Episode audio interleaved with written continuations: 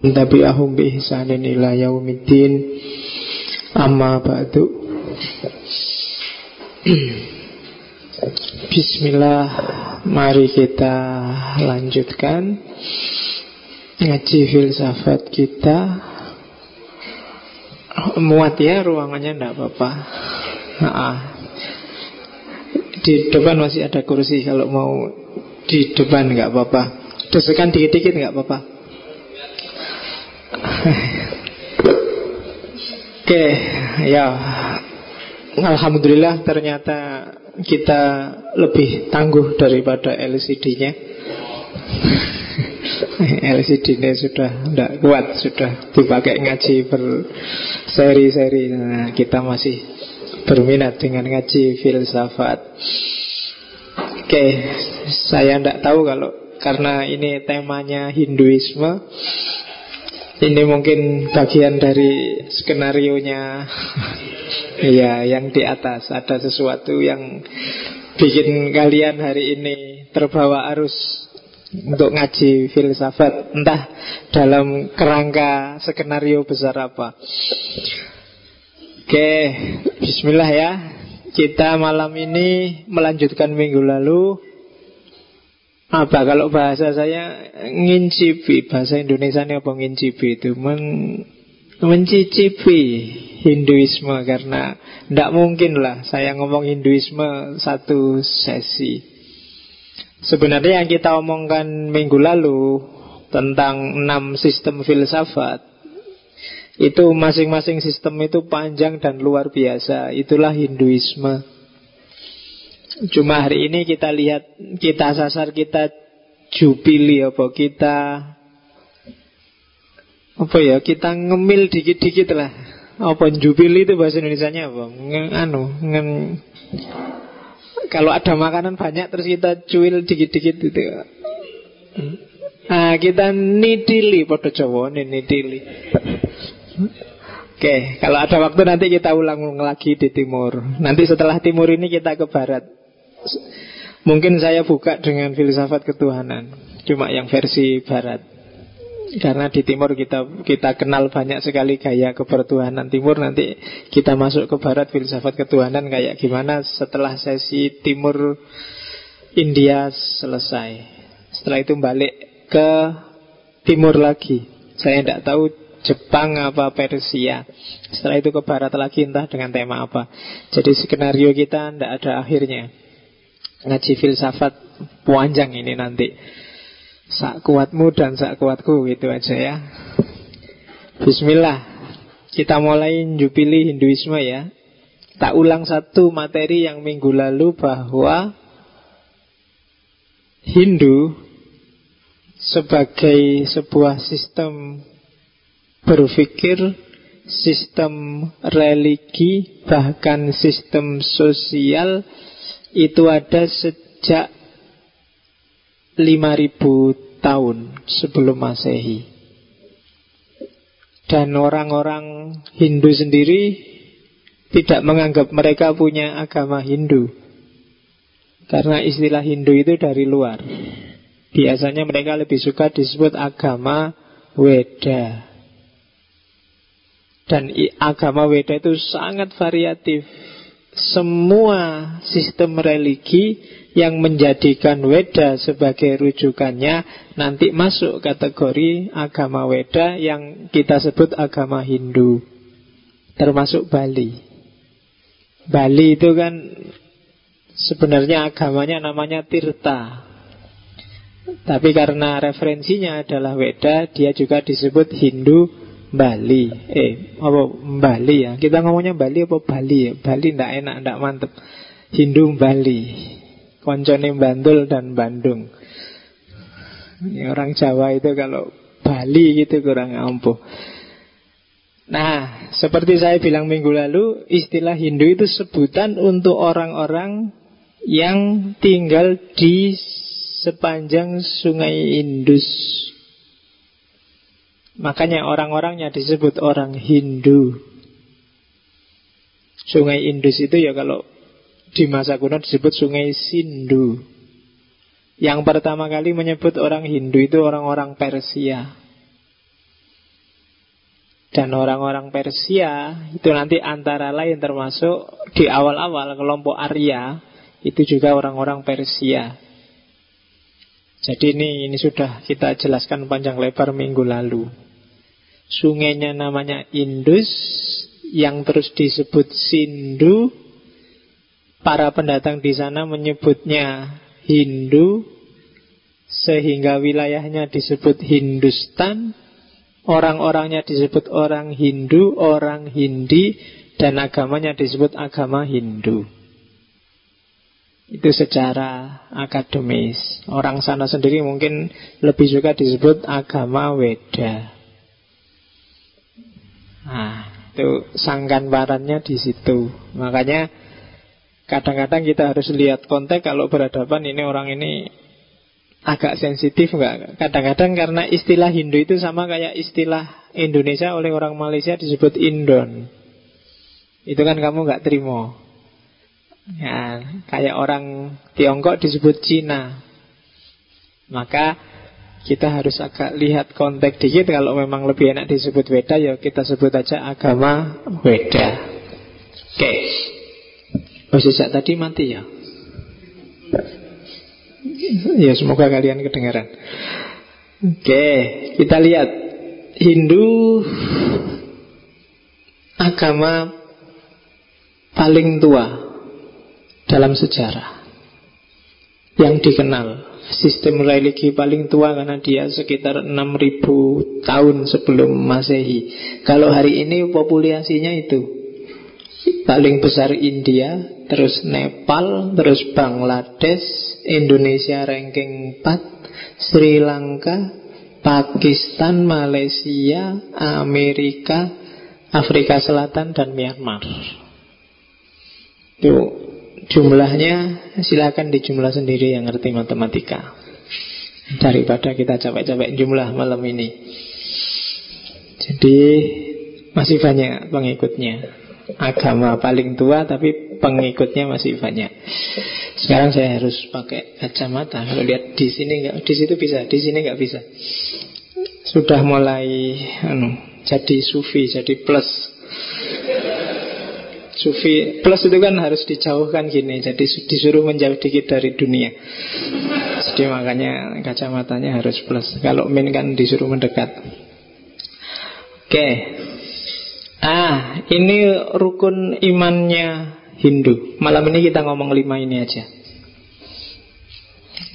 Jadi beriman pada Brahman, Atman, Karma, Samsara yang bentuknya adalah reinkarnasi dan yang terakhir moksa. Itu sahadatnya orang Hindu lima itu. Jadi beriman pada Brahman, Atman, Karma Pala, Samsara, Moksa. Ini rukun imannya. Nanti kita lihat satu-satu. Kalau Brahman itu mungkin di Islam itulah Tuhan, Atman itu Tuhan kecil, jiwa manusia. Karma itu kausalitas hukum alam. Kemudian samsara reinkarnasi itu kausalitas di level rohani.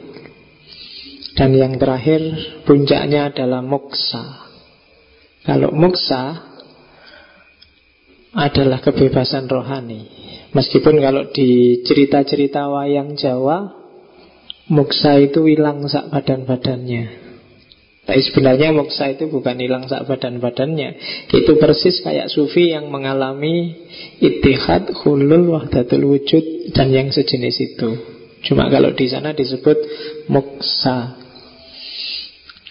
di cerita-cerita Jawa banyak kan raja-raja yang atau brahmana-brahmana yang ilmunya sudah puncak terus mengalami moksa.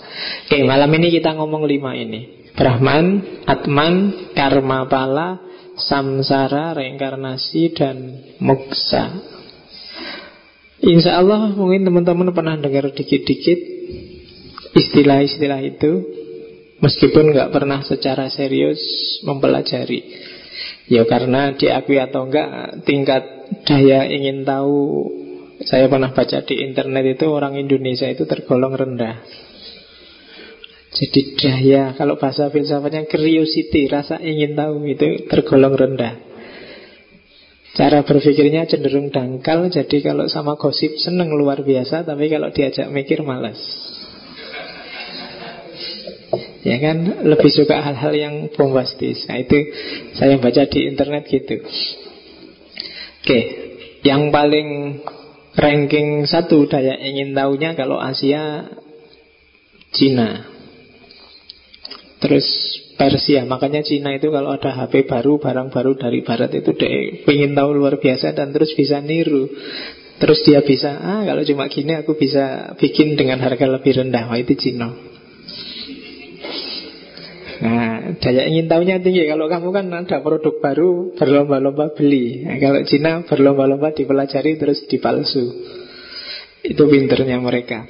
Kalau kita tergolong rendah, kamu tiap hari mungkin dengar lihat TV, dengar macam-macam, baca macam-macam, tapi karena daya ingin tahunya rendah, pengetahuanmu itu hanya sampai di tampilannya, nggak sampai ke dalam tentang apa saja. Kamu lihat Haji Lulung gegeran sama Ahok gara-gara e-budgeting. Ayo berapa persen di sini yang tertarik janjane e-budgeting itu sistem yang kayak gimana sih?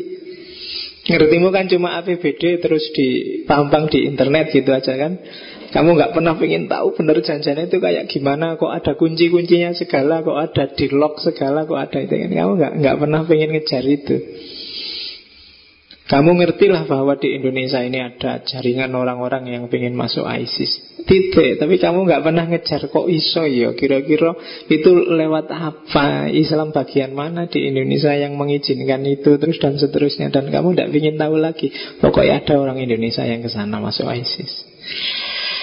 Nah, itu curiosity. Jangan salah nasib akademikmu kalau memang ingin bergumul di dunia akademik ditentukan di rasa ingin tahumu. Kalau enggak hasilnya copy paste atau ngutip dan merujuk dan meniru orang lain. Kreativitasnya rendah. Maka saran saya pertanyakan apa pun. Kamu tadi dibilangin sama takmir bahwa LCD-nya rusak. Kamu ingin tahu nggak rusak apanya? Enggak kan? Allah wis rusak ya rusak sesuk kan ke beres. Kamu enggak ingin tahu. Jadi pokoknya terima dati wis gitu aja kan. Oke, bismillah. Kita mulai dari Brahman. Yang sudah ngerti Islam sedikit banyak akan lebih gampang menyerap Hinduisme. Makanya itu yang minggu lalu saya sebut passing over. Kadang-kadang milik kita itu bisa dipahami lebih jelas pakai kacamata orang lain. Perhatikan ya kadang-kadang orang yang bisa komentari kamu cakep apa mbak? Enggak itu kan di luar. Bukan bukan di dalam. Orang yang nggak kenal sama sekali kamu begitu lihat kamu wah cakep sekali. Itu biasanya lebih jujur. Daripada teman-teman dekatmu saudara-saudaramu apalagi bapak ibumu. Ya kan? Nah, jadi ah, kita sekali sini passing over untuk dengan kacamata yang berbeda lihat ajaran kita mungkin lebih lebih mencerahkan. Itu yang dilakukan oleh orang-orang seperti Hussein Nasr, Fritjof Swan dan kawan-kawan. Termasuk di ini konsep Brahman. Ya kan? Brahman ini iya kalau di kita Tuhan kalau di Hindu masih ada sosoknya. Meskipun nanti aliran tertentu sudah nggak ada sosoknya Nanti kalau di Buddha nggak ada sosoknya sama sekali. Tapi yang jelas Brahman itu persis. Kalau ada yang ngerti sifat-sifatnya Allah Asmaul Husna itu plek ada di situ semua. Kekal, imanen, tak terbatas Awal, akhir menguasai bentuk, ruang, waktu, energi dan segala isi di dalamnya itu Brahman. Dia punya tangan, punya kaki, punya mata itu tak ambil dari Bhagavad Gita. Sabdanya Krishna pada Arjuna waktu perang Mahabharata itu kisah simbolik sebenarnya. Jadi orang Hindu itu ngajinya Bhagavad Gita. Meskipun kitab sucinya yang utama ada tiga Veda Kemudian Upanishad Dan Bhagavad Gita. Nah yang Gita ini biasanya yang dipakai untuk ngaji. Jadi kalau biasanya ada orang Hindu kok Lihat film-film Hindu kok ada ngajinya Itu biasanya ngaji Gita ini. Gita itu ya Bhagavad Gita. Yang diambil dari kisah Mahabharata. Jadi yang tebelnya segini Cuma ngomongnya di detik-detik perang mau dimulai. Jadi kalau di Mahabharata itu enggak Orang melihatnya Krishna sama Arjuna itu cuma ngomong sebentar. Tapi sebentar itu jadi jilid yang tebal sekali. Tentang hakikat hidup dan kehidupan. Ya nanti mungkin next time kita kita ketemulah dengan Bhagavad kita sedikit untuk ngomong tentang filsafat perangnya. Karena tren baru hari ini yang bisa menyaingi filsafat perangnya Sun Tzu itu Bhagavad kita, termasuk filsafat bisnis. Hari ini banyak orang bisnis yang lebih suka pakai kita daripada pakai Sun Tzu. Nanti kita lihat ada istimewanya apa. Brahman tidak perlu saya jelaskan satu-satu. Intinya kayak katanya Otto di fenomenologi Rudolf Otto bahwa dia adalah sesuatu yang misterium tremendum et fascinatum. Misterius menggentarkan, bikin takut tapi sekaligus mempesona. Khas ya sesuatu yang misterius. Jadi susah sekali dipahami Tapi menggentarkan. Bikin orang takut sekaligus Gentar itu agak Merasa kecil di depannya. Tapi sekaligus Mempesona. Mempesona itu kan berarti kamu ingin mendekat. Oh itu kan kontradiksi luar biasa. Dipahami susah Bikin kamu gentar tapi kamu jatuh cinta, terpesona dan ingin mendekat. Itu Brahman. Itu Allah. Itu roh kudus kalau di Kristen. Itu Buddha Kalau minggu depan kita ngomong Buddhisme. Jadi sesuatu yang dideskripsikan nggak bisa. Misterium tremendum fascinatum itu kan manifestasi batin kita, kita ketika kita berhadapan dengan itu. Kalau kamu belum pernah merasakan itu Saya sejak kecil Islam Pak. Tapi Allah itu nggak pernah bikin aku Pingin tahu misteri nggak pernah bikin aku tergetar Dan nggak pernah bikin aku terpesona. Yang saya pahami Allah itu Bikin saya capek karena nyuruh sholat Nyuruh puasa, nyuruh haji. Nah, Berarti kamu belum kenal dia. Dan itu nanti yang diserang habis-habisan oleh Hinduisme keberagamaan model tidak sadar. Itu sebenarnya kita alami tiap hari. Kita lahir nggak sadar, kita hidup juga nggak sadar, kita ngapain aja nggak sadar. Nggak tahu tujuannya apa hidup. Itu nanti yang dikritik habis-habisan oleh Hinduisme. Kita lahir dulu kan nggak merancang juga tiba-tiba lahir, nggak sadar. Terus kita jalani juga nggak sadar kita melakukan apa aja juga secara nggak sadar. Bahkan ngaji malam ini mungkin kamu entah sadar entah nggak juga. Kamu nggak jelas Kenapa sih kamu harus ngaji? Ngapain kamu harus ngaji? Arahnya ke mana kamu harus ngaji? Ya itu berarti tidak sadar.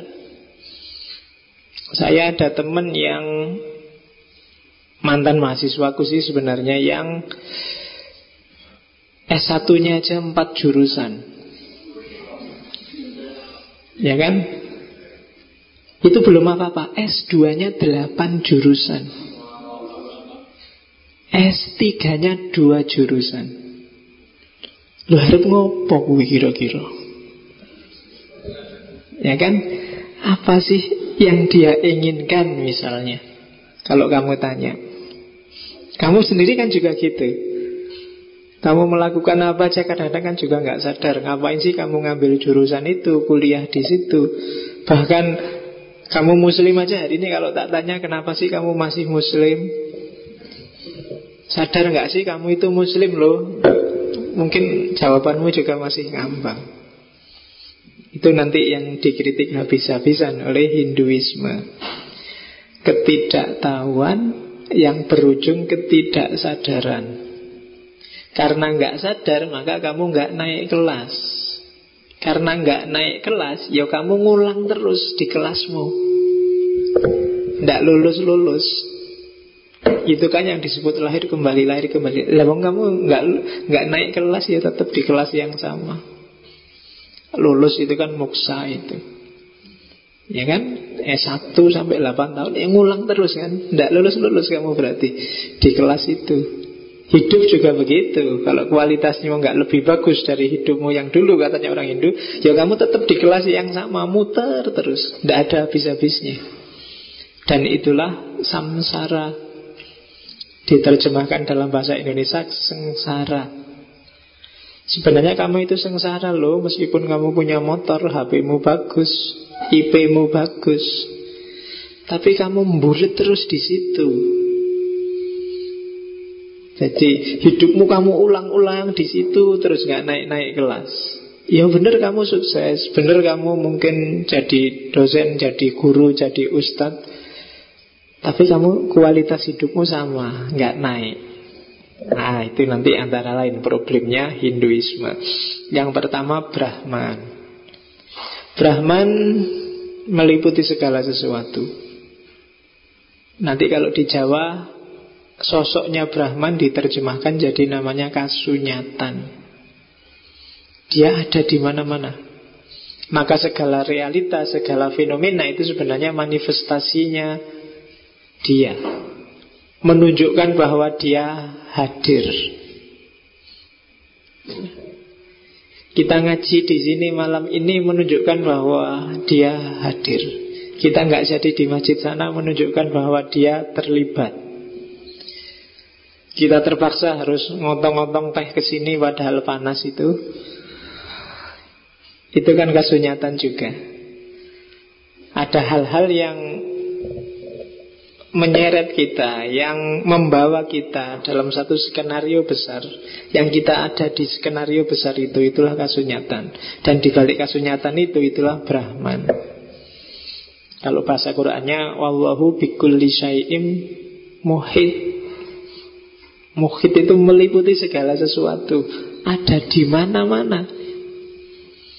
Dalam kondisi apa pun. Dengan model apa pun. Termasuk yang jelek-jelek. Nanti Hindu punya penjelasan yang khas Tentang yang jelek-jelek. Oke ya. Itu Brahman. Yang kedua Atman Atman itu bagian kecil dari Brahman yang ada di setiap makhluk hidup. Itu namanya Atman, termasuk dalam diri manusia. Kita menyebutnya jiwa. Bahasa sananya jiwatman. Ya, Pokoknya burine tiga iman ini. Koncone Superman sama Batman ini. Oke. Jadi ada Brahman, ada Atman.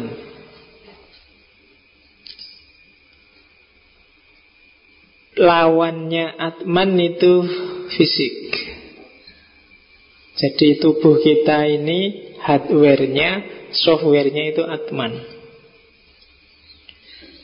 mata fisik ini kalau nggak ada atman dia tidak akan bisa melihat. Yang bisa melihat karena dia punya daya jiwa, namanya daya melihat. Daya melihat itu tidak sama dan sebangun dengan mata. Orang meninggal itu mungkin matanya masih bisa dipakai loh kalau dipindah ke orang yang masih hidup misalnya dicangkokkan. Bahkan jantung aja bisa dicangkokkan. Kalau orangnya sudah meninggal jantungnya dicangkokkan. Karena dia memang benda Cuma dia tidak punya daya apa-apa Yang punya daya adalah Kalau Atman masih ada di situ Maka mata punya daya melihat Telinga punya daya mendengar Hidung punya daya men, men, apa, mencium apa membau kalau hidung Hidung punya daya membau Mulut punya daya eh, men, mulut daya apa? Lidah kok mulut, lidah punya daya mengecap. Lidahnya tetap sama tapi kalau atmannya pergi ya lidahnya nggak bisa apa-apa. Dikasih sate pun dia nggak seneng. Nggak ketawa-ketawa. Wong sudah nggak bisa apa-apa. Sudah mati rasa. Ditinggalkan oleh atman. Oke, jadi gampang-gampangannya itu. Gambarannya seperti matahari dan cahayanya. Jadi Brahman itu mataharinya, Atman itu cahayanya. Konsep ini sama persis dengan yang dikembangkan oleh Al-Halaj dan kawan-kawan Termasuk Suhrawardi dengan filsafat cahayanya Makanya khazanah kebenaran abadi Itu kan yang disebut sanata dharma Sanata Dharma ini kebenaran abadi, kebenaran ruhania, kebenaran spiritual yang ada sejak zaman, kalau kita menyebutnya sejak zaman Nabi Adam sampai besok hari kiamat. Itulah kebenaran abadi. Dan kebenaran abadi itu nanti antara lain yang diwarisi oleh para filosof besar, para tokoh-tokoh termasuk dari Hinduisme dan kalau di Islam diwarisi antara lain katanya seperti Surawardi dan kawan-kawan. Itu nanti yang oleh Syed Hussein Nasir disebut Saintia Sakra Pengetahuan suci. Ya, Sayangnya pengetahuan suci ini disekulerkan, dimaterialkan oleh Barat Sehingga jadi rusak. Padahal nanti kalau kalian jelajahi khazanah itu Tokoh-tokoh di kelompok ini bilang Dulu sudah pernah orang menguasai sains sakra ini Secara utuh menyeluruh termasuk dalam urusan materi Tapi terus mereka nyeleweng ke arah materi saja Sehingga peradabannya hancur. Itu yang terjadi dengan peradaban-peradaban besar Sumeria, Babilonia Dan juga Atlantis yang hilang. Dan gaya itu sekarang diulangi lagi oleh orang-orang modern jadi kehilangan khazanah. Bahkan di salah satu buku yang saya baca ada yang bilang bahwa pengetahuan suci termasuk tentang materi itu dikuasai oleh beberapa orang-orang suci. Nah, kalau di Islam menyebutnya beberapa wali yang tersembunyi. Dan hari ini pengetahuan itu nggak diobral secara gratis dikeluarkan satu-satu aja sesuai kepentingannya manusia. Karena kalau tiba-tiba dikeluarkan semua, nasibnya kayak Atlantis, nasibnya kayak cuma satu-satu pun karena dunia ini sudah tua ya sudah banyak keluarnya. Jadi tinggal ditunggu akhirnya akan ada siklus. Nah itu cari sendiri di khazanah-khazanah spiritual. Termasuk yang punya referensi agak bagus tentang yang gini-gini aliran kalau di Persia aliran Bahai atau cari di tasawuf-tasawuf falsafi yang tertarik. Cuma yang ndak ya ndak apa-apa karena isinya bulat. ya. Nah, cuplian kecilnya dari Sanata Dharma itu nanti ada di Hindu. Makanya di sebelah ada kampus Sanata Dharma. Itu sebenarnya yang punya harusnya Hindu, harusnya kampus Hindu itu. Harusnya, cuma dipakai ya ndak apa-apa. Wong cuma istilah.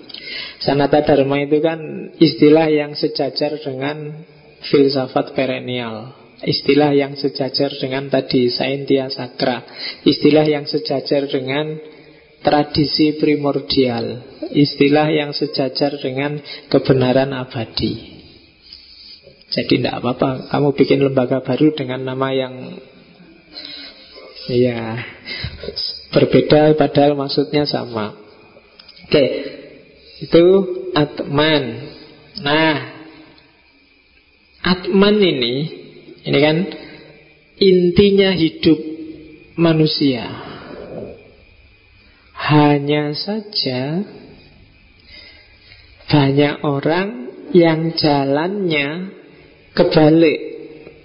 Harusnya orang itu berjalan ke dalam Menemukan hakikat dirinya dalam Atman tapi kebanyakan orang kebalik jalannya keluar Menjauh dari Atman.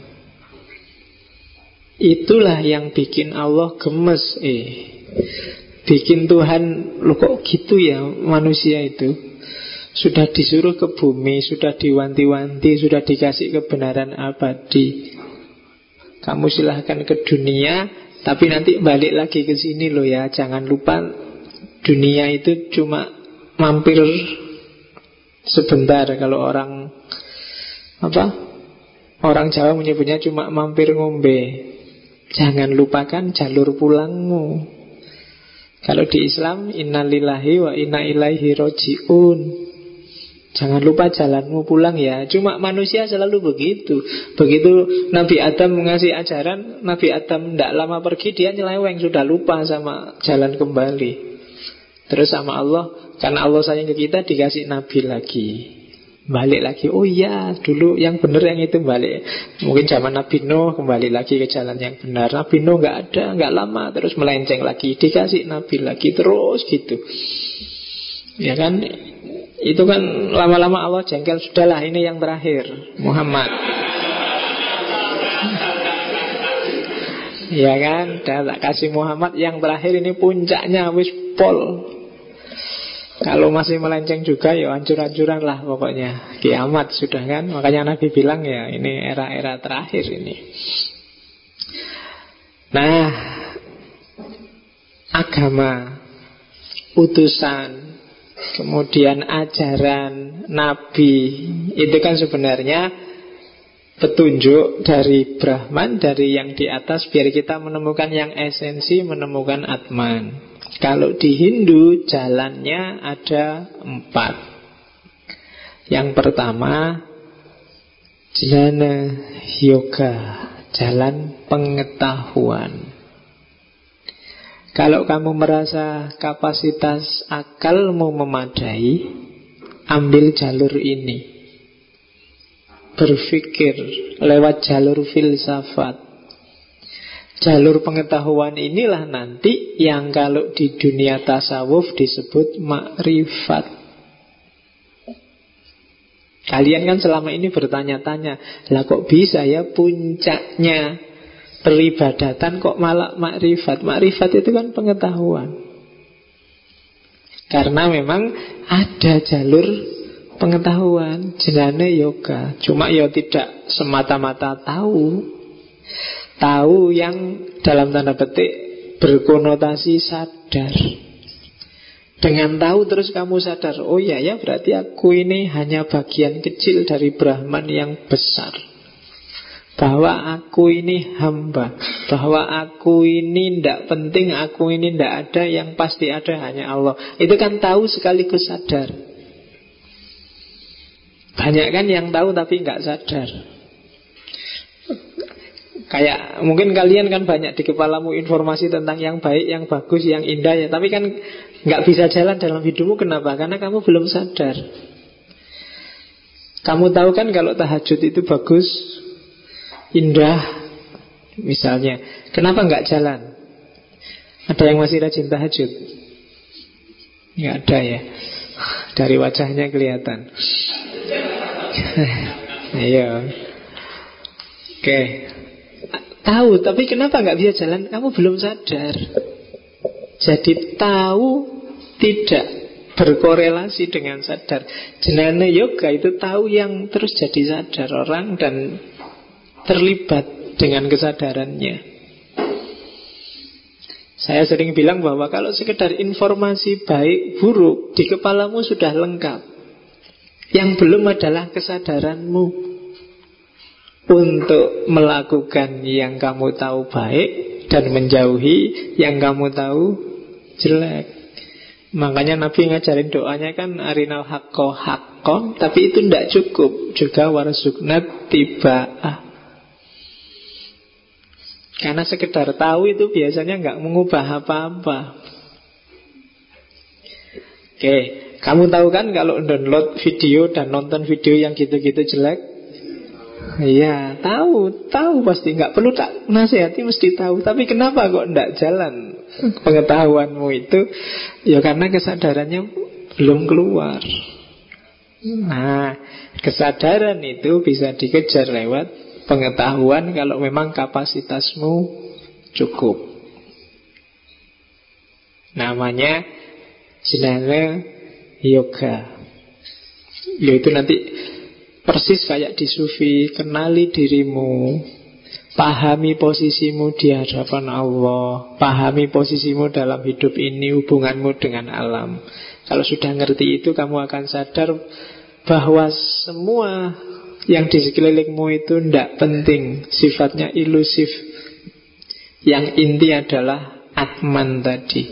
Dalam rangka menemukan kesejatian Yaitu Brahman Itu jinane yoga. Untuk menemukan pengetahuan lewat Atman jalurnya tiga. Yang pertama mendengar yang ketiga berpikir yang eh yang kedua berpikir yang ketiga pengalian. Pengalian itu kalau di bahasa filsafat kan semacam proyeksi jadi atau secara logis itu berpikir dalam corak analogis. Kalau mendengar jelas Kayak ngaji ini kan kamu cuma mendengar. Itu juga termasuk laku dalam jenana yoga. Jadi mendengarkan terus sadar Iya ya. Nah waktu ustadznya ngomong terus kamu mantuk-mantuk Astagfirullah aku kok kayak gitu ya? Nah itu kan laku juga loh Jangan salah. Meskipun sudah keluar yang balik asli nih tapi kan lumayan ada yang disentuh oleh ustadzmu. Nah, Itu mendengar, dia jadi laku. Ada baiknya orang-orang yang gampang menyentuhmu Ustadz-ustadz, kiai-kiai yang gampang nyenggol kamu. Bolak-balik kamu dengarkan senggolannya Biar kamu ingat terus Entah ustadz siapa, guru siapa yang menurut kamu Orang ini bisa menyentuh. Mungkin di TV boleh, nggak di TV boleh Atau buku juga boleh Atau tokoh siapa juga boleh. Nggak usah apatis ala ustadz di TV itu Ustadz abal-abal semua apa Ya nggak usah gitu. Sopo ngerti dari yang abal-abal itu Kamu dapat sesuatu yang luar biasa Kan gitu. Kalau nggak cocok ya nggak apa-apa nggak cocok tapi jangan menjelek-jelekkan Tradisi kita kan sering gitu Kalau nggak cocok terus dijelek-jelekkan Biasa aja orang nggak suka Orang nggak cocok Tapi jadi nggak biasa kalau kamu terus menjelek-jelekkan Nah mendengar Ya kan? Kalau bahasa Qur'annya mau itu hasanah. Jadi ada level yang memang harus dikasih mau itu hasanah. Yang kedua ini yang sangat cerdas jalurnya para filosof kontemplasi. Berpikir sendiri, muhasabah, tafakkur. Jalur kedua. Yang ketiga pengalian. Pengalihan itu semacam hikmah Berpikir analogis Memahami diri dari berbagai perspektif Mendengar, berpikir, pengalian Kenapa harus ada yang ketiga disebut? Karena kadang-kadang kita siap yang kedua tapi nggak siap yang ketiga Kamu siap memahami dirimu dari perspektif dirimu sendiri. Tapi dari perspektif orang yang tidak suka kamu, kamu nggak siap. Begitu ada orang ngeritik kamu misalnya, kamu sekarang kok alay sih, lebay banget kalau ngomong, wah kamu mesti marah kan? Nggak siap kamu dibilangin gitu. Berpikir pengalihan itu, kamu coba, eh seandainya aku kok bisa ya dia ngomong aku lebay itu, coba deh dari perspektifnya dia. Oh, jangan-jangan memang aku lebay. Itu berpikir semacam analogis Ngambil multi perspektif untuk memahami dirimu Karena selama ini kamu memahami dirimu itu mono Stereo aja enggak Ya kan? Rata-rata orang agak egois Merasa dirinya paling bagus, paling benar Paling sip, paling pas. Dan kamu merasa yang tahu aku karena aku pak. Mesti gitu. Jadi stereo aja enggak. Padahal harus poli, poliponik jadi harus multi perspektif dong. Jangan satu Biar tampak lebih jelas Dirimu itu siapa Kamu kadang-kadang juga keliru, kamu kadang-kadang juga tidak pas, kamu kadang-kadang juga tersesat. Wong kita manusia biasa, tapi kamu nggak siap kalau dengar orang bilang kamu sesat. Begitu kamu dibilang bid'ah, darah tinggimu naik, langsung kurang ajar aku dibilang bid'ah. Pernah nggak kamu bilang bid'ah terus Jangan-jangan memang bid'ah ya Coba sih tak belajar lagi kan Tapi kan enggak kan Begitu dibilang bid'ah kamu langsung marah Begitu dibilang tradisional kamu langsung marah Begitu dibilang garis keras kamu langsung sungunya keluar Begitu dibilang Kita selalu begitu Tidak siap dengan perspektif yang berbeda Maka pengetahuan kita tentang diri kita jadinya nggak sempurna Jenane yoga kita pahami hakikat diri kita lewat jalur pengetahuan. Kita buka lebar-lebar. Sebenarnya aku itu siapa? Mau ke mana? Kenapa kok sekarang aku ada di sini? Itu pertanyaan besar yang mungkin sampai tua kamu akan sibuk jawabnya. Karena nggak sembarangan orang bisa nemu jawabannya. Tiga pertanyaan besar ini, kalau kamu gagal menjawabnya, katanya orang Hindu, besok kamu akan lahir kembali untuk mencari jawaban pertanyaan yang sama. Iya, dan akan terus gitu. Itu yang tadi tak sebut kamu tidak naik kelas. Levelmu masih level itu terus. Kalau kamu bilang, tapi besok kan kita masuk surga neraka pak. Katanya orang Hindu, surga neraka itu transit sementara. Nggak ada pentingnya Allah nyiksa kamu sampai akhir nggak ada batasnya Atau ngasih seneng-seneng kamu sampai akhir nggak ada batasnya Karena hakikat kita adalah Allah itu sendiri Innalillahi wa inna ilaihi raji'un Wow itu panjang memahami ini pakai Islam Jadi dari Hindu campur karo Islam ini ngomongnya Tidak apa-apa itu kan perspektif tak, tak bilang tadi passing over Jadi Temukan Atman kalau kamu sanggup lewat jenane yoga. Mungkin kalau kalian yang mahasiswa mungkin bisa ke level ini. Tapi mahasiswa yang serius tapi. Ya kan, kan banyak mahasiswa di sini yang sing penting untuk nilai lulus S2 kalau ada beasiswa ya S3 Kalau nggak ada ya cari kerjaan dulu Terus kawin, punya anak Terus nggak mikir apa-apa selain gimana caranya Anaknya bisa terjamin hidupnya sekolah yang pinter terus anaknya juga mikirnya gitu lagi. Jadi bulat ya kan kamu mikirnya sudah lah pak biar aja saya jadi orang kecil yang penting anakku sukses. Anakmu ya mikirin ngono. Nanti akhirnya semuanya nggak naik kelas. Oke. Itu jenane yoga. Jalan kedua bakti yoga. Bakti yoga ini mungkin mereka yang merasa bahwa jalur pikiran susah menemukan yang sejati karena pikiran sering trik, pikiran mudah terkontaminasi. Jalan yang paling gampang adalah lewat jalur cinta. Ini yang agak susah. Tidak perlu dijelaskan cinta itu apa, tapi kalian pasti punya karakter dan kualitas yang namanya cinta dengan intensitas masing-masing dalam berbagai konteks kehidupanmu. Kamu sama orang tua, di situ ada relasi cinta. Mungkin levelnya agak tinggi. Saya punya HP, HP ini tak cintai. Kalau tiba-tiba hilang, aku ya nangis. Ini kan berarti ada ada level cinta tertentuku pada HP pada laptopku, pada temanku, pada apa pun itu kan level-level cinta.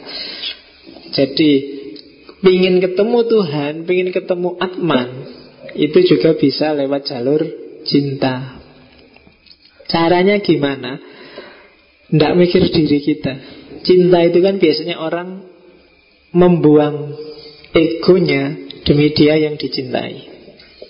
Berhadapan dengan Tuhan juga begitu Nggak perlu nawar Nggak perlu dipikir-pikir Allah nyuruh kita Sepertiga malam Allah nunggu kita. Nggak usah dipikir. Tapi itu kan sunnah Pak. Sunnah itu Nggak dilakukan juga nggak apa-apa. Itu masih perhitungan. Cinta itu ndak ngitung-ngitung. Kayak kamu kalau punya pacar itu kan Kamu nggak ngitung kan? Habis neraktir kan sudah. Yang penting seneng aja bisa neraktir. Kamu kan nggak mikir Pulang terus ditulis. Hari ini 25 ribu nah, bisa lagi Kamu kan nggak mikir itu Kalau masih ada itu masih perhitungan, masih masih dagang, belum cinta. Kalau cinta nggak mikir itu, nggak mikir balasan. Masa 25 ribu cuma dapat gandengan toh, nggak seru ya. Misalnya, loh, itu namanya dagang. Jadi kalau cinta nggak mikir ke sana, kalau dapat ya syukur, nggak dapat ya. Oke. Okay. Yo, harus badi sidik-sidik. Jadi memuja Tuhan dengan segenap kemampuan tapi tulus. Makanya kalau di Islam ya ikhlas.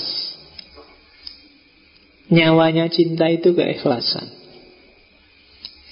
Yang bahasa Indonesianya adalah ketulusan. Manifestasinya kalau yang di Hinduisme, yang di Bhakti Yoga itu yang pertama mencintai Tuhan dengan setulus hati. Yang kedua mencintai dalam kehidupan. Maksudnya apa? Hidup kita modusnya harus modus cinta terhadap apa pun. Yang ketiga mencintai dia, mencintai hal lain karena dia. Dan yang keempat mencintai dia tanpa pamrih. Tulus itu awalnya, tanpa pamrih itu akhirnya.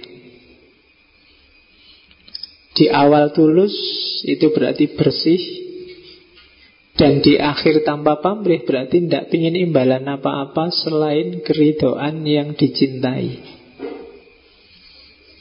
Asal engkau rela cukup sudah. Itu kalau dalam agama. Asal Allah ridho, makanya kan ilahi anta maksudi waridoka matlubi. Asal kamu ridho ya Allah Aku ngantuk-ngantuk tak belain sholat Tidak apa-apa wis. Capek-capek tak antar jemput Tidak apa-apa wis. Kan gitu. Asal pacarnya seneng Asal Allah ridho. Nah memuja ke atas tapi secara horizontal modusnya juga harus modus cinta. Modus cinta itu ya hidupmu berhadapan dengan apa pun kalau bisa landasannya cinta. Kalau hari ini itu landasan paling ketara kan landasannya ekonomi. Untung rugi. Kamu mikir kamu dapat apa sih? Berapa yang kamu berikan dan berapa yang kamu dapat. Kalau itu bukan cinta Cinta itu kamu tulus berikan semampu yang kamu berikan. Ada balasannya atau tidak ada balasannya nggak masalah. Kalau Allah nyuruh sholat jamaah Sholat jamaah karena kamu cinta padanya yang nyuruh kamu sholat jamaah nggak usah mikir 27 apa 26 apa 25 Itu cinta. Kan kamu sering kan negosiasi sama Allah gitu Ya Allah, wah wiritan aja kan kamu pakai tasbih 33 pas 33 Memangnya kalau dibonusi satu dua apa ndak bisa? Oh, sudah pas pak itu sudah nggak bisa ditawar. Ya kan? Ada nggak yang ke mana-mana bawa tasbih cetekan itu yang ada itu? Subhanallah, subhanallah. 2200 Ah kurang 250 lagi. Tapi sambil wiritan sambil nonton TV Sambil ngapain ya tidak nyambung. Kehilangan gunanya wirid. Ah Oke. Okay.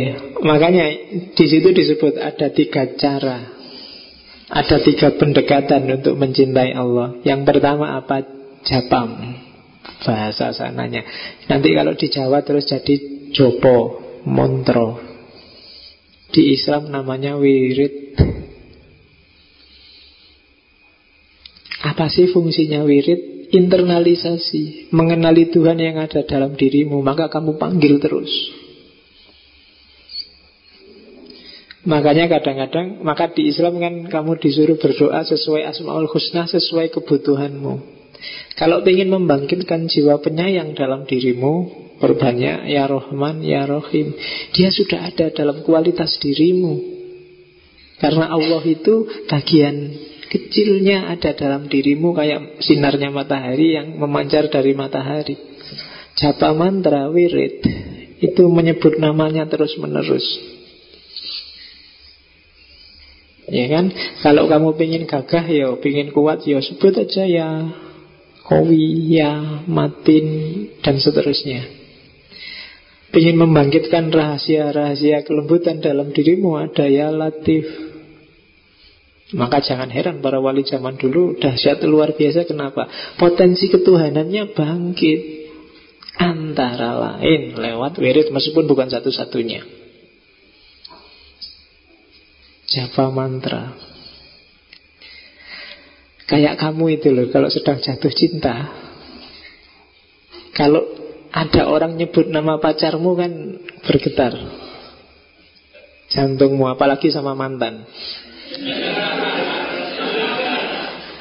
Ya kan Ada getarannya Ah, Kalau bisa Makanya Cirinya orang beriman itu kan yang kalau disebut nama Allah yang wajilat kulubuhum itu kan. Hatinya bergetar kalau disebut nama Allah. Kalau sudah gitu levelnya memang sudah level cinta. Tidak akan bergetar hati yang tidak ada cinta. Oke. Terus kalau jalan pertama, jalan yang kedua belajarlah dari hidupmu sehari-hari. Di sekelilingmu banyak sekali pelajaran cinta. Ada cintanya ayah ibu, ada cintanya suami istri, ada cintanya macam-macam. Belajar aja. Satu-satunya makhluk yang punya pamrih, yang tidak tulus, yang bisa tidak tulus itu manusia. Di luar itu semuanya mengajarkanmu tentang ketulusan, kejujuran, cinta. Kucing itu meskipun dia nggak kamu kasih makan terus nyuri, itu ketika dia nyuri itu dia tulus sedang lapar loh. Tidak pernah kucing sudah kenyang terus nyuri itu tidak ada. Ketika kalau dia sampai nyuri itu karena memang dia sangat lapar dan kamu yang deket dia pelit, nggak ngasih makanan. Dia nggak pernah sudah kenyang ah tak kerjain orang ini tak curinya anunya. Nggak, nggak ada kayak gitu kucing. Jadi dia selalu tulus. Dia selalu harimau pun gitu. Dia nggak pernah iseng sudah kenyang nyari cemilan saya mengerti banyak. Nggak ada dia. Kenyang ya sudah. Yang bisa kayak gitu manusia. Maka belajarlah dari semua yang ada di sekelilingmu Yang bukan manusia Semuanya mengajarkan cinta Kecuali yang dirusak sendiri oleh manusia keseimbangannya Dan risikonya harus ditanggung sendiri Jalan kedua Jadi Jalan yang pertama itu jalan suluk yang kamu ulang-ulang terus Yang kamu cintai Yang kedua belajar dari dunia cinta yang ada di sekelilingmu. Dan yang ketiga, benchmark. Apa benchmark itu? Kalau tadi belajar, kalau ini niru. Ada tiga gaya niru. Yang pertama niru, bersikap seperti orang yang dilindungi pada yang melindungi. Nah ini logikanya adalah logika kebutuhan. Jadi proyeksikan Sadarilah bahwa kamu itu butuh Allah Maka jalanmu untuk mencintai Allah lebih cepat Wah kalau nggak ada Allah Kelihatannya nggak mungkin aku Masa depanku cerah Wah kalau nggak ada Allah Susah aku cari istri. Wajahku kayak gini pas-pasan juga. Apa-apanya nggak ada yang unggulan. Nah ini kalau nggak ditolong Allah Nggak laku-laku aku ini. Nah butuh kan? Kalau butuh kamu cintanya lebih cepat. Jadi jalan pertama itu Sadarilah bahwa kamu butuh Allah. Sikap orang yang dilindungi pada yang melindungi Orang yang ditolong pada yang ditolong kalau kamu sudah merasa aku itu butuh Allah, tidak bisa tanpamu aku hidup ya Allah itu cepat kamu jatuh cinta pada Allah. Atau jalur kedua, Jalur persahabatan Friend CS sama Allah Adlah Allah jadi friend di Facebookmu, di Twittermu, di anak. Kalau bahasa Jawa, kenapa harus friend? Karena Trisno jalaran soko kulino. Kalau kamu tiap hari bareng sama Allah, lama-lama kamu akan jatuh cinta padanya. Karena selama bareng kamu akan lama-lama, oh iya ya, Allah maha kuasa sekali. Oh Allah maha besar sekali. Lama-lama kamu akan jatuh cinta. Jalur kedua. Atau jalur yang ketiga Jalur ketulusan Jalur ketulusan itu Sudahlah, tidak terlalu banyak mikir Tidak terlalu banyak pertimbangan Pokoknya fitrahku memang mencintai Allah. Seperti ayah pada anaknya Atau anak pada ayahnya. Kamu sama bapakmu kan nggak pernah diajari Kamu harus sayang bapakmu Tapi otomatis kamu sangat sayang pada ayahmu. Ibumu dulu juga begitu. Waktu melahirkanmu dia nggak pernah ikut kursus Apa ikut ngaji Gimana caranya biar sayang anaknya. Otomatis langsung sayang sama anaknya. Ketulusan Jalur yang ketiga. Nah itu Bakti yoga Jalan cinta Jadi bisa lewat jenana yoga Bisa lewat bakti yoga Untuk menemukan esensi yang ketiga, karma yoga. Karma yoga ini sebenarnya isinya juga ada yang model bakti yoga, ada yang model jenana yoga. Cuma yang dilihat adalah menemukan atman dengan menjalankan fungsi hidupmu sesuai yang sebenarnya. Nanti itu yang disebut dharma. Jadi Orang-orang yang aktif Pak saya kalau wiritan tidak bisa Sholat malam nggak bisa Karena saya sibuk luar biasa Pak Kalau siang harus sekolah Kalau malam harus nonton sepak bola Kalau sekolah Misalnya nah, Orang-orang ini bisa mengambil jalan Karma yoga Karma yoga itu aktivitas apa pun yang dia lakukan Orientasinya ke atas kalau dalam Islam, pokoknya tak sambungkan Islam terus wong iki santri kabeh. Santri ngaji filsafat. Kalau dalam Islam, kerja sebagai ibadah itu karma yoga. Kamu ngaji ke sini itu bisa termasuk salah satu karma yoga. Kamu kuliah itu bisa jadi karma yoga. Bahkan kamu dari sini nanti ngangkring ngopi sama minum di angkringan itu bisa juga karma yoga. Kalau apa?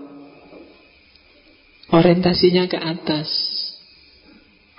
Bukan orientasi ekonomi Bukan orientasi psikologi Bukan karena senang dan tidak senang Tapi apa pun yang kamu lakukan Karena kamu ingat bahwa Ada Allah Yang ngawasi kamu Ada Allah yang jadi hakikat hidupmu Ada Allah yang harus kamu tuju.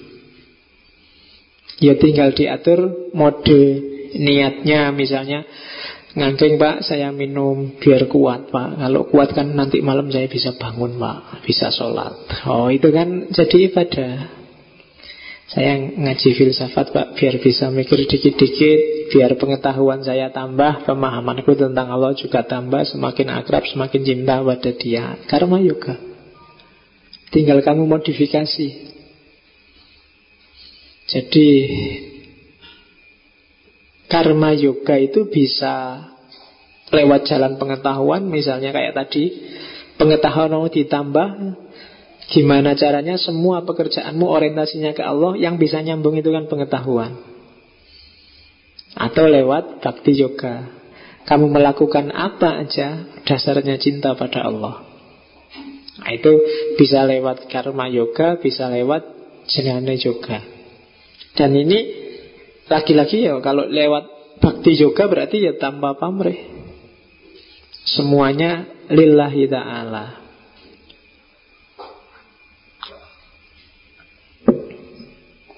Eh, dan yang terakhir, ini yang dianggap paling berat adalah uh, Raja Yoga. Ya, ini rajanya laku. Jadi Raja Yoga ini biasanya dilakukan oleh para sufi. Jadi apa sih yang dilakukan oleh para sufi? Melakukan aktivitas-aktivitas untuk menguji mentalnya, menguji rohaninya, mendidik, melatih sampai ketemu dengan Atman. Kalau di sufi uzlah, kemudian semua karakter-karakter menjauhi dunia, menyiksa diri puasa, itu kan semacamnya itu kan melatih mental. Dalam rangka apa? Biar semua yang menghambat jalanmu menuju Allah itu minggir. Jadi sufi-sufi itu kan lakunya gitu, sholat terus menerus, puasa terus menerus, kemudian tidak mau pakai pakaian bagus, rela miskin, milih hidup tidak enak dan seterusnya itu ya raja yoga. Mendisiplinkan diri, melatih diri, kemudian melampaui lapisan-lapisan ada fisik, ada mental, ada pikiran dilampaui semua. Dengan latihan-latihan tertentu sampai ketemu yang sejati. Itu namanya Raja Yoga. Biasanya dilakukan oleh para sufi. Kalau di Hindu Tahapnya ada empat. Yang pertama Membersihkan Membereskan akhlak Untuk memasuki Raja Yoga Moralitasmu harus beres. Tidak membunuh yang kasar. Atau yang lebih lembut Tidak membenci. Selama masih banyak kebencian Kamu tidak akan bisa memasuki Raja Yoga. Karena jalanmu akan diblokir oleh kebencianmu tidak mencuri, tidak mesum, tidak curang, murni secara batin. Nah, itu yang pikirannya masih ngeres, masih mesum harus dibersihkan. Jadi tidak akan bisa kamu menempuh jalan itu tidak akan bisa kalau pikiranmu masih aneh-aneh. Jadi persiapan etisnya Kalau langkah pertama nggak beres Kamu nggak akan sukses Ke langkah selanjutnya Setelah itu baru Gerak badan Gerak nafas. Kalau di Islam disebut ibadah. Setelah akhlaknya beres Baru ibadah. Tidak bisa dibalik. Kalau kita sering dibalik. Fikihnya dulu, akhlaknya belakangan. Allahu Akbar dulu, mukul-mukul dulu, terus ya melupakan ahlaknya. Nggak, ahlak dulu beres, baru ibadah. Akhlak itu kan termasuk yang ikhlas tadi, ketulusan tadi. Kalau ini nggak beres, ibadah juga kacau. Akhlak ya ibadah itu kalau di Hindu termasuk pernafasan yang kalian kenal dengan yoga itu kan. Disuruh duduk bersila, disuruh ngulet, disuruh kepala di bawah, disuruh macam-macam itu. Itu ritual yang harus diawali dari situ. Cuma yoga yang populer kan dipotong yang kedua itu aja. Biar perut langsing, biar nggak gampang pusing. Kan itu sekarang yoga itu. Ya itu boleh, cuma itu motong jalur. Harusnya sebelum ke sana harus beres dulu ahlaknya Kalau itu belum beres ya nanti nggak ketemu tujuannya nggak akan nyampe ke Raja Yoga Setelah ahlaknya beres Ibadahnya mantep Terus tafakur Setelah tafakur Terus medi Semedi itu menggabungkan diri dengan yang sejati. Jadi melenyapkan identitas diri, kemudian membuka diri sehingga Brahman datang. Itu yang kalau di tasawuf ada hulul, ada itikad.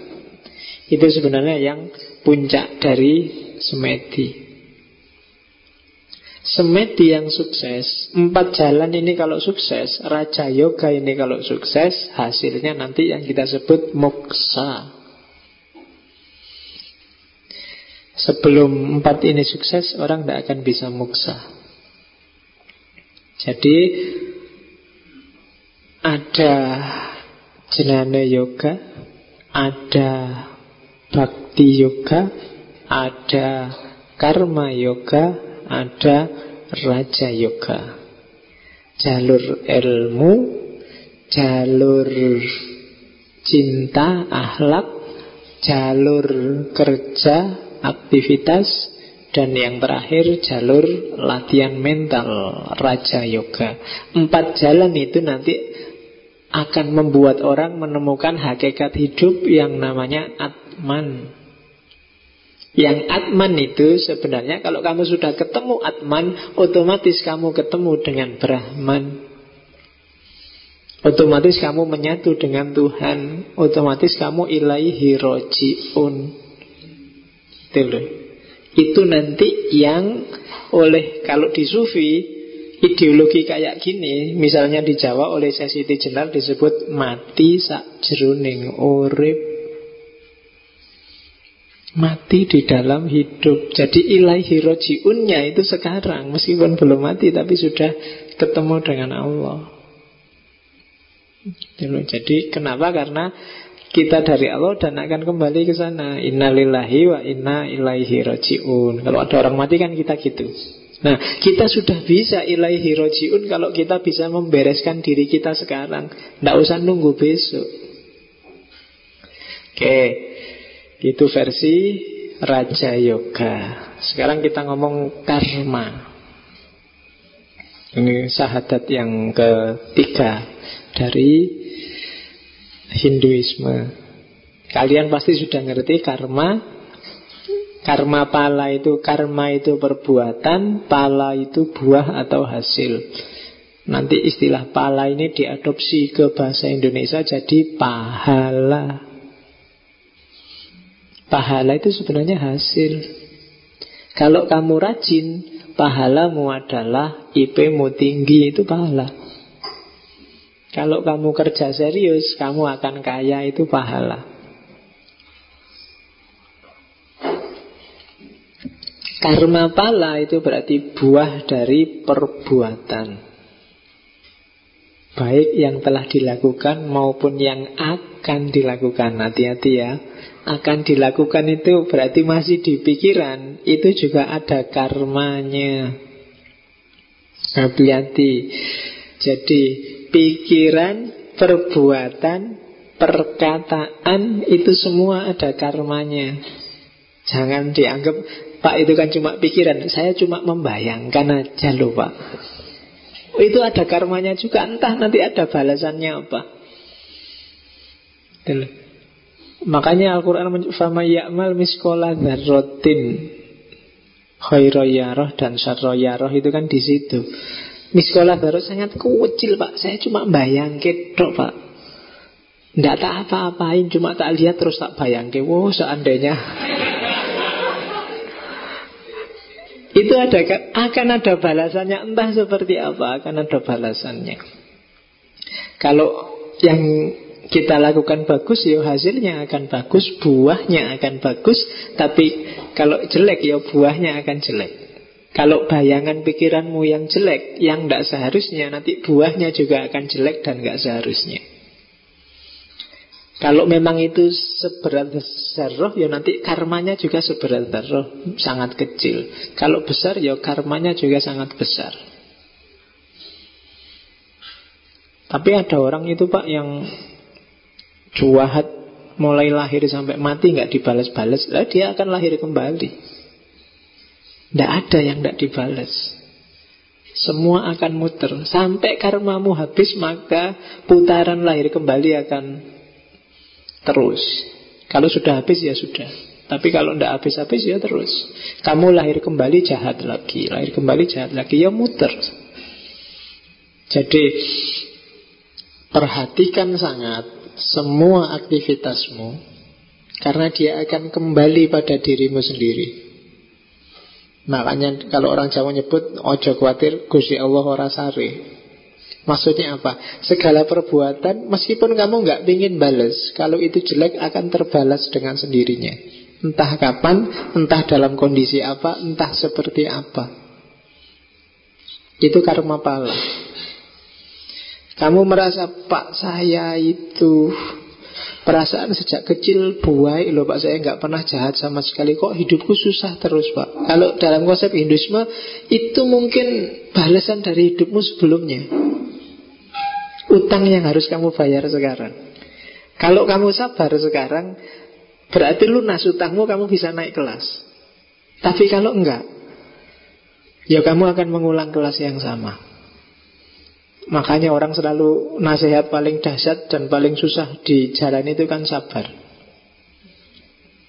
Sabar le, Gusti Allah ora sare. Itu mungkin tidak cuma berhubungan dengan hidupmu hari ini dan sekarang, tapi hidup dulu dan yang akan datang mungkin juga gitu. Harus diperhatikan. Kalau kamu jahat luar biasa, pun kamu bisa lahir kembali dengan jahat dan luar biasa. Dan akan terus begitu.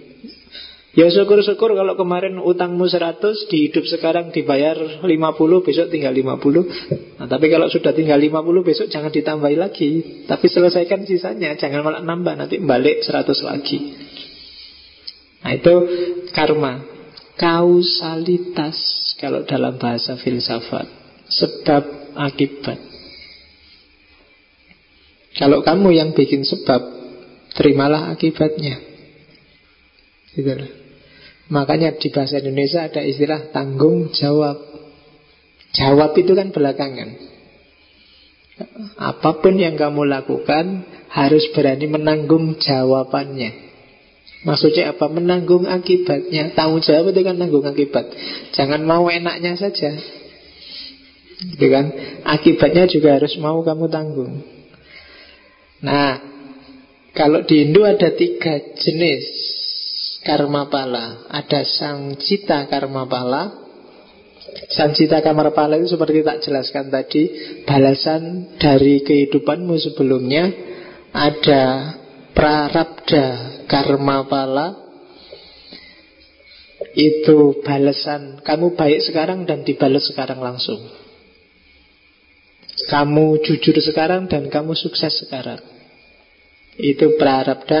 Dan yang ketiga Kriya mana karma pala. Kamu baik sekarang tapi balasannya besok di kehidupan yang akan datang. Kamu jahat sekarang dan balasannya besok di kehidupan yang akan datang. Jadi Hidup kita isinya itu. Oke Terus Karma pala saya bilang tadi bolak-balik ada hubungannya dengan reinkarnasi. Hidup kelahiran kembali. Ini nanti yang disebut samsara. Jasad kalau sudah mati hancur, tapi jiwa tidak. Jiwalah nanti yang akan menanggung semuanya. Itu reinkarnasi. Jiwalah nanti yang lahir kembali masuk ke tubuh yang baru. Dan siklus ini terus sampai tadi puncaknya namanya muksa itu tadi. Kalau sudah muksa berarti jiwa sudah bebas dari keterikatan, sudah bebas dari utang-utang dunia, maka dia bisa bersatu dengan Brahman. Dan yang bisa kayak gini itu manusia. Bahkan dewa atau malaikat pun kalau ingin bersatu dengan Brahman, dia harus turun level. Makanya di cerita-cerita India itu kan kan banyak yang turun level. Dewa terus jadi manusia, terus naik lagi. Malaikat turun level jadi manusia. Kalau kayak film-film barat itu terus naik lagi. Itu reinkarnasi. Di Quran banyak ayat-ayat yang indikasinya reinkarnasi Cuma nggak perlu saya sebut Nanti rame mesti Kamu cukup ngerti ini sebagai ideologi Hinduisme. Tapi ada namanya Kalau dunia psikologi modern Ada namanya past life regression. Ini teorinya psikologi. Salah satu cara untuk mengejar Kenapa sih orang ini kok depresi Nggak ada sebab apa-apa. Kenapa sih kok orang ini tiba-tiba psikologinya kayak gini. Itu past life regression itu kalau Freud psikoanalisis kan dibangkitkan bawah sadarnya. Ini tidak sekedar bawah sadar, tapi bawah sadar yang melupakan koleksi pengalaman di kehidupan yang dulu. Itu past life regression. Kamu cari dengan keyword itu carilah di Google lah Mungkin kalau kamu ingin tahu lebih jauh seperti apa Syukur-syukur kamu bisa latihan Jadi ada caranya Mungkin kamu pernah Ngalami semacam dejavu Kamu nggak pernah ke situ. Tapi begitu ke situ Kayaknya kok pernah ke sini ya. Itu bisa dikejar pakai past life regression. Jangan-jangan memang di kehidupanmu yang dulu kamu ada hubungannya dengan tempat itu, atau ketemu orang, nggak pernah sama sekali ketemu orang, begitu ketemu kayak sudah pernah ketemu lama ya sama orang ini ya. Di mana ya ndak ketemu. Itu bisa namanya past life regression. Jadi ada hubungannya dengan kehidupanmu yang dulu. Makanya orang kadang-kadang wataknya watak itu terbangun kalau di teorinya Hinduisme sebelum di kehidupan sebelumnya. Orang yang di kehidupan sebelumnya panglima perang itu pun di kelahirannya kembali jadi apa pun dia, dia susah meninggalkan watak aslinya. Oke, saya nggak perlu jelaskan panjang lebar. Yang penting mekanismenya seperti itu. Itulah reinkarnasi, kelahiran kembali. Jadi ya mungkin di antara yang ada di sini mungkin dulunya ada yang mantan panglima perang, apa mantan raja, apa mantan filosof, apa mantan apa kan siapa sih ngerti?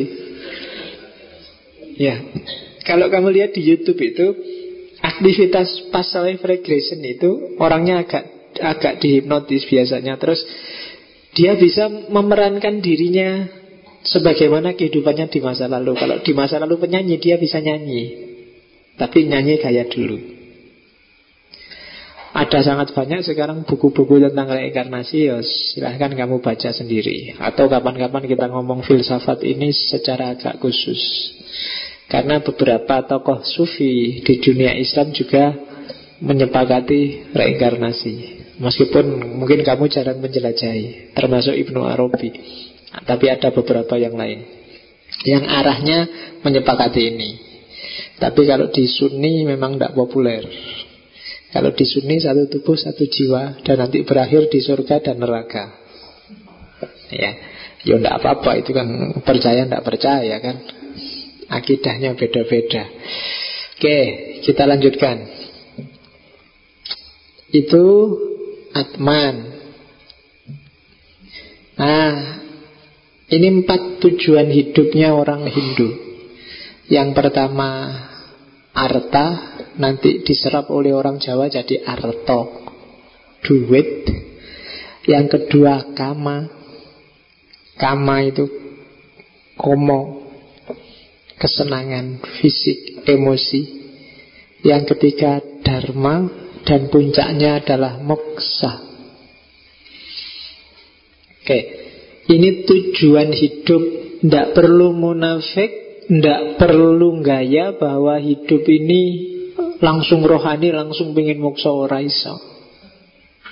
Ada tahapan-tahapannya. Kalau tahapan bawah belum beres, kamu tidak akan bisa naik ke atas.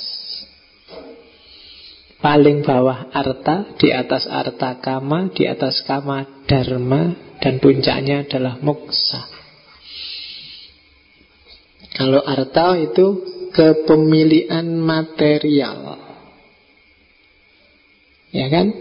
Kamu kedinginan, terus kamu butuh baju. Maka punyalah kamu baju. Baju kan juga tujuan. Kalau baju aja belum beres, ya kamu tidak bisa sholat dong. Sholat kan nyuruh kamu punya baju, nutup aurat. Pendeta juga butuh baju kan meskipun bajunya cuma warna kuning aja. Ya kan? Rambutnya gundul. Emangnya gundul pakai apa kalau nggak pakai gunting pakai? Jadi butuh harta tetap. Dianggap murah apa hidup ini meskipun mau uzlah. Jadi kepemilikan material. Kesenang meskipun jangan berhenti di situ. Kalau berhenti di situ, kamu akan berhenti pada kesenangan indrawi. Kamu terjebak pada ilusi. Karena materi itu tidak abadi. Materi hanya jadi penunjang. Dia tidak boleh jadi tujuan terakhir. Tapi dia harus dilewati. Makanya kalau di Islam ya kamu harus kaya dulu dong. Baru tidak suka dengan dunia. Kalau duit aja nggak punya, kamu nggak bisa bilang saya nggak suka duit. Ya memang kamu nggak punya. iya kan? Nggak bisa. Saya pak sekarang ngambil jarak dengan dunia. Saya harta saya. Eh, memang kamu nggak punya. Jadi tidak ada mengambil jarak, otomatis kamu berjarak. Jadi harta harus kamu lewati stasiun ini. Melewati berarti apa? Kamu pernah ngalami terus kamu lampaui. Jadi harus beres dulu hartanya. Ini fisiknya. Mentalnya juga harus beres. Kama. Komo. Kesenangan. Cinta kepuasan batin. Makanya ada buku yang sangat terkenal zaman itu namanya Kama Sutra. Ya kan? Yang nulis Resi Vatsyayana. Sekitar 600 tahun sebelum Masehi. Saya sempat mikir perlu nggak ya kita ngaji juga kitab ini sekali-sekali. Jangan salah, Kama Sutra yang tentang itu itu hanya satu bab tentang posisi-posisi yang kamu senangi itu. Itu cuma satu bab. Bahkan kelihatannya sekitar bab dua. Kalau bab awal itu pengantar tentang kehidupan, terus ngomong tentang keluarga, bahkan hakikat cinta juga diomong di bab-bab belakang. Ya mungkin karena kamu peduli amat dengan yang itu-itu Langsung kamu tonton gambar-gambarnya Ya kan? Itu pun gambar loh ya. Deskripsinya kan nggak kamu baca. Padahal mungkin di deskripsi itu ada ada rahasianya. Itu nanti yang berkembang kalau di Jawa misalnya ada filsafat namanya tantrisme. Tantra. Ini harus beres juga loh kama sebagaimana arta tadi. Tidak boleh kamu saya tidak kawin pak, tidak iso itu fitro harus dilewati fase ini. Nggak usah gaya, nggak sek-sekan Pak ora iso. Kalau kamu nggak beres di sini, kamu nggak akan bisa melanjutkan perjalananmu. Kalau di bypass misalnya tiba-tiba saya sudah muksa Pak, as, mesti nanti gak karu-karuan. Itu yang sehingga ada kiai menghamili santrinya. Sehingga ada itu kan karena belum beres urusan kamarnya. Bereskan dulu di situ. Ada yang bolak-balik kawin, ada yang kenapa? Di situnya belum beres. Termasuk yang urusan harta tadi, bereskan dulu. Kawin dulu, kalau seknya beres baru uzlah, wiritan, tahajud. Lah iya kan? Lah yang kawin ndak. Akhirnya tahajudmu kan pikiranmu neko-neko. Sholat juga pikirannya itu Aduh, tidak kusuk mesti Lewati dulu kama Tidak usah gaya Makanya Islam kan sangat benci dengan orang yang tidak nikah itu Kenapa? Lo itu fitrahmu. Diakui atau enggak diakui Kalau kamu normal, kamu butuh itu.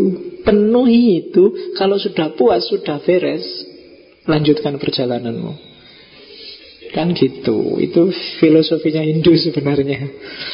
Kama Kama Sutra kamu pelajari nggak apa-apa. Itu teknik-teknik untuk bikin kamu mencapai kepuasan optimal dan tahan lama. Tahan lama maksudnya apa? Enggak Kan ada itu kan habis makan kok cepet lapar lagi pengen makan lagi cepet Kalau kayak gitu kamu nggak selesai-selesai bikin itunya Jadi kepuasannya optimal dan kamu siap melanjutkan perjalanan Itu Kama Sutra Wis kamu cah cilik rasa bahas kuwi. Oke. Nah. Ayo. Ya nanti kalau ngaji filsafat edisi 100 berapa itu baru Kama Sutra temanya. Oke, okay, ada beberapa versi Kama Sutra termasuk yang diadaptasi ke Jawa. Ya, next time lah kita ngaji khusus untuk filsafat itu. Terus Dharma. Jadi setelah fase arta sama kama selesai, baru kita ngomong dharma. Oke, harta sudah punya, sudah punya macam-macam yang dibutuhkan, batinnya juga sudah beres. Kama itu nggak cuma seks sebenarnya Dia termasuk nafsu makan Hasrat untuk Mungkin kamu pengen jabat lah Mungkin kamu itu kan semua kama Kalau itu sudah beres Dharma sekarang Dharma itu secara harfiah bisa diartikan agama, bisa diartikan kebajikan, bisa diartikan keadilan, bisa diartikan kebenaran, budi pekerti moral, dan lain sebagainya. Intinya dharma adalah tugasmu dalam hidup. Kalau kamu mahasiswa, dharmamu berarti belajar. Kalau aku dosen, dharmaku adalah ngajar. Kalau pemerintah, dharmanya adalah menata negara. Kalau ulama, dharmanya adalah mencerdaskan umat. Kalau itu dharma namanya. Dharma ini penting untuk kalau di Confucius dulu itu semacam reification of names. Biar nggak rumit. Hidup ini kacau kalau orang nggak ngerti dharmanya. Yang bapak jadilah bapak yang baik. Yang adik jadilah adik yang baik. Yang santri jadilah santri yang baik. Sesuai dharmanya masing-masing. Kalau di Islam dharma itu mungkin semacam amal soleh. Jangan salah, selama ini kamu mengartikan amal soleh itu kan amal baik. Iya, maksudnya maksudnya baik itu soleh itu apa? Appropriate soluhat soluhat jasa dukuluh. Jadi sesuai amal yang sesuai, amal yang pas, itulah amal soleh. Dan itulah dharma. Gitu Ya kalau levelnya Abu Rizal Bakri ya mungkin amal soleh itu nyumbang sekian triliun. Kalau levelmu ya nyumbangnya sekian ribu, sekian puluh ribu. Atau sekian ratus ribu. Itu makommu, dharmamu selevel itu. Itu dharma namanya, pahami tugasmu. Karena ya kalau sudah tugasmu siapa yang akan gantiin wong itu tugasmu. Makanya di Hindu kan kemarin ada sistem kasta. Kasta itu untuk memudahkan orang identifikasi antara lain ya manfaatnya apa yang harus dilakukan dan apa yang jangan dilakukan. Kalau jadi kesatria ya jadi kesatria yang baik belo negoro. Kalau jadi rakyat ya jadilah rakyat yang baik tidak ngerusui. Itu gunanya ada kasta Biar orang ngerti levelnya Itu zaman dulu Tapi meskipun orang tidak setuju kasta Sebenarnya setiap orang harus ngerti dharmanya Dharmamu itu apa? Kan gitu Cara ngecek dharmamu sudah bagus apa enggak? Paling gampang tanyalah Pihak-pihak yang berkaitan. Apakah kamu kakak yang baik? Ya tanyakan adikmu. Puas nggak dik punya kakak aku? Ya kan? Jadi anak yang baik apa enggak? Tanyakan bapak ibumu Pak. Bu Puas nggak punya anak saya Nah, kalau dalam bahasanya orang Hindu, seandainya besok lahir kembali, kita lahir kembali, wong belum beres, belum mongsa, masih mau nggak punya anak kayak saya? Nah, kalau masih mau berarti dharmamu bagus sebagai seorang anak. Sebagai teman juga gitu. Puas nggak kamu punya teman aku? Berarti dharma kalau dia puas berarti dharmamu sebagai teman sudah bagus, sudah terpenuhi. Itu dharma. Ya kalau sebagai mahasiswa ya paling gampang tanyanya ke dosen. Nah, sebagai dosen tanyanya ke dekan. Oke, masuk tanya ke mahasiswa. Gue jarang nih mahasiswa ini nawari mesti ya nilai saya berapa dulu pak. Nah, kalau dikasih A ya bapak dosen yang baik. Kalau dikasih ya. Oke, itu dharma. Dan yang terakhir moksa.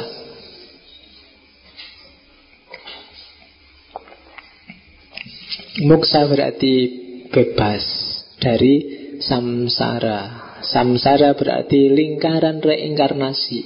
Lahir kembali, lahir kembali. Ini kan sengsara luar biasa loh. Kapan berakhirnya? Nah, ditempuhlah jalan muksa. Kalau sudah muksa berarti putus sudah. Kamu sudah ilaihi roji'un. Berarti kamu sudah jadi Ya ayat Tuhan nafsul mutmainnah. Irji'i ila rabbiki radiyatan mardiyah. Kamu kembali padanya Diridhoi Dan kamu sendiri ridho sampai ke sana. Itulah moksa Bukan kok terus tubuhnya hilang kayak di TV-TV hilang terus. Mengurai jadi udara. Nggak Tapi dia bebas dari semua keterikatan dunia Bebas dari samsara. Moksa ada empat level. Yang pertama samipya Samipya itu moksanya para resi, para pendeta Para ulama. Jadi dia bisa dengan jalan pengetahuannya dia jadi mateng dan mencapai puncak yang namanya makrifat atau sarupia, sadarmia. Ini yang punya para avatar. Avatar itu mungkin kalau di Islam levelnya kayak wali. Orang-orang yang sudah bertemu Atman dengan segala macam jalannya tadi atau salokia salokia ini kalau sarubia itu orangnya bisa sudah orangnya masih hidup tapi kalau salokia ini dia sudah mati tapi muksa karena perbuatan baiknya jadi levelnya kalau di zaman dulu bahkan orang yang makomnya salokia ini bisa bisa terus dinobatkan jadi dewa karena dia bergabung dengan level ketuhanan. Terus sayujya. Ini tingkat tertinggi ketika lenyap sudah dirinya. Sama sekali yang tersisa Brahmannya. Itu namanya sayujya. Saya tidak tahu ada hubungannya apa enggak dengan Jogja. Sayujya. Iya. Tidak, tapi kalau Jogja itu kan Ya mumpung ngomong Hinduisme Sebenarnya nama Jogja itu diambil dari Ramayana Itu kan kerajaannya Rama itu kan Ayodhya Yang ngasih nama zaman itu ya Pangeran Mangkubumi. Pangeran Mangkubumi Hamengkubuwono pertama yang perang melawan Belanda Ditemani saudaranya Raden Masaid Pangeran Sambernyowo Terus saking dahsyatnya dia sama rakyat yang kepu ini ngalang-alai waktu perang kayak Rama perang melawan Rahwana. Jadi dianalogikan itu maka terus nanti ketika ada perjanjian Gianti dikasih nama Ayudhya kayak nama kerajaannya Rama. Kalau yang Rahwana kan Alengka. Ayudhya pakai lidah Jawa jadi Ngayudhya lama-lama jadi Ngayukjo. Kalau Karta itu artinya serba baik. Jadi Ayudhyakarta lama-lama jadi Yogyakarta. Dulu sambil nunggu pusat kerajaan di sana tinggalnya di di hutan, hutannya namanya hutan Ki Gerjiwati yang ada di ya Gerjitawati yang ada di Pasar Meringarjo itu karena desanya namanya Desa Beringan. Namanya jadi Yogyakarta Kalau Malioboro itu Ada juga di kitab Ramayana istilahnya Cuma artinya adalah Berkalung bunga Malia Maliobarin. Ada di Ramayana Maliobarin Artinya berkalung bunga Kenapa sih jalan itu disebut jalan berkalung bunga? Karena sejak lama jalan Malioboro itu jalannya para raja dan tamu besar kalau lewat lewat di situ. Maka dia selalu ada kalungan bunga di sepanjang jalan untuk menghormati tamu. Lama-lama dikenal Maliobarin. Ini yang melakukan penelitian Peter Carey. Peter Carey yang nulis Pangeran Diponegoro itu. Jadi itu sejarahnya. Kenapa disebut Jogja? Kenapa disebut Malioboro? Biar kalian ngerti. Bukan Malioboro yang rokok itu. Oke Kamu ngertinya kan itu Rokok Marlboro itu kan? Nah itu Itu arti jadi jalan yang penuh kalungan bunga. Maka namanya Maliobarin Hasilnya tapi terus jadi jalan Malioburu Jadi istilahnya kayak Inggris Tapi sebenarnya sangat sang sekerta itu Sangat Jawa. Oke Sayujo. Itu salah satu jenisnya moksa Ketika Atman lenyap sama sekali Yang tersisa tinggal Brahman. Oke Terus konsep dosa. Apa sih dosa itu? Kalau di Hindu dosa adalah Jiwamu yang terperangkap oleh ilusi, oleh maya Oleh ketidaksejatian. Jiwamu yang terperangkap oleh kenikmatan indrawi Itulah dosa. Ketika kamu terjebak indera Maka Kamu akan terjebak dalam egoisme Aku Itu yang pertama Yang kedua, ketika kamu terjebak egoisme aku Implisit di sana kamu mengakui ada aku, aku, aku yang lain. Akuku, akumu, akumu, akumu jadi banyak aku. Ini menjauhkanmu dari yang hakiki. Karena hakikat kita semua itu entitas yang sama. Kita adalah atman dari Brahman yang sama. Nah, ketika kita terjebak aku-aku, bahwa kita berbeda dengan orang lain, yang terjadi apa? Itu tadi ahanggara Keakuan Kalau di bahasa Indonesia jadi anggara murka Jadi angkara murka itu sebenarnya egoisme yang luar biasa Keakuan Ketika orang sangat egois Akhirnya apa? Hidupnya semakin menjauh Dari yang esensi, dari yang hakiki jadi dosa adalah ketika orang terjebak dalam ilusi atau terjebak dalam indera yang itu melahirkan egoisme dan egoisme melahirkan anggara. Dan angkara inilah nanti yang melahirkan karma. Dan karma ini yang bikin orang harus lahir kembali. Dan kelahiran kembali ini nanti kalau sudah dibereskan, di situlah orang bebas dan mengalami moksa. Itulah sat, itulah cip, itulah ananda. Itulah yang sejati, itulah yang baka, dan itulah kebahagiaan sempurna. Jadi logik, alurnya seperti itu. Jadi karena yang ilusi kita terjebak dalam dunia indrawi. Karena terjebak dalam dunia indrawi Lahirlah egoisme. Karena egoisme lahirlah angkara murka. Karena angkara murka lahirlah karma Yang tidak putus-putusnya. Itulah samsara. Dan ketika karma ini putus Karena habis selesai lunas Itulah moksa. Jadi itu nyawanya filsafat Hinduisme ringkasnya yang tak omongin sejak awal sampai akhir tadi. Oke. Terakhir bagi orang yang ingin menempuh jalan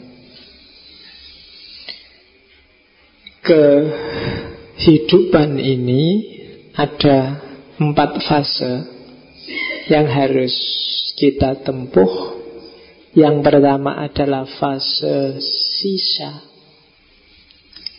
Jadi sisa itu maksudnya kita jadi murid Brahmacari, orang yang diajar. Hari ini kita masih sisa, termasuk saya, antarvasin.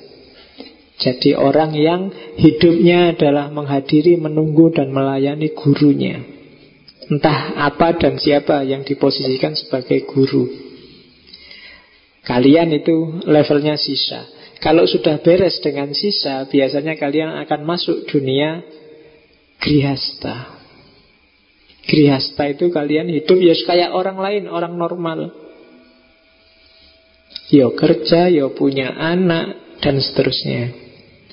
Kalau sudah level 2 beres, masukilah level ketiga, wana prasta.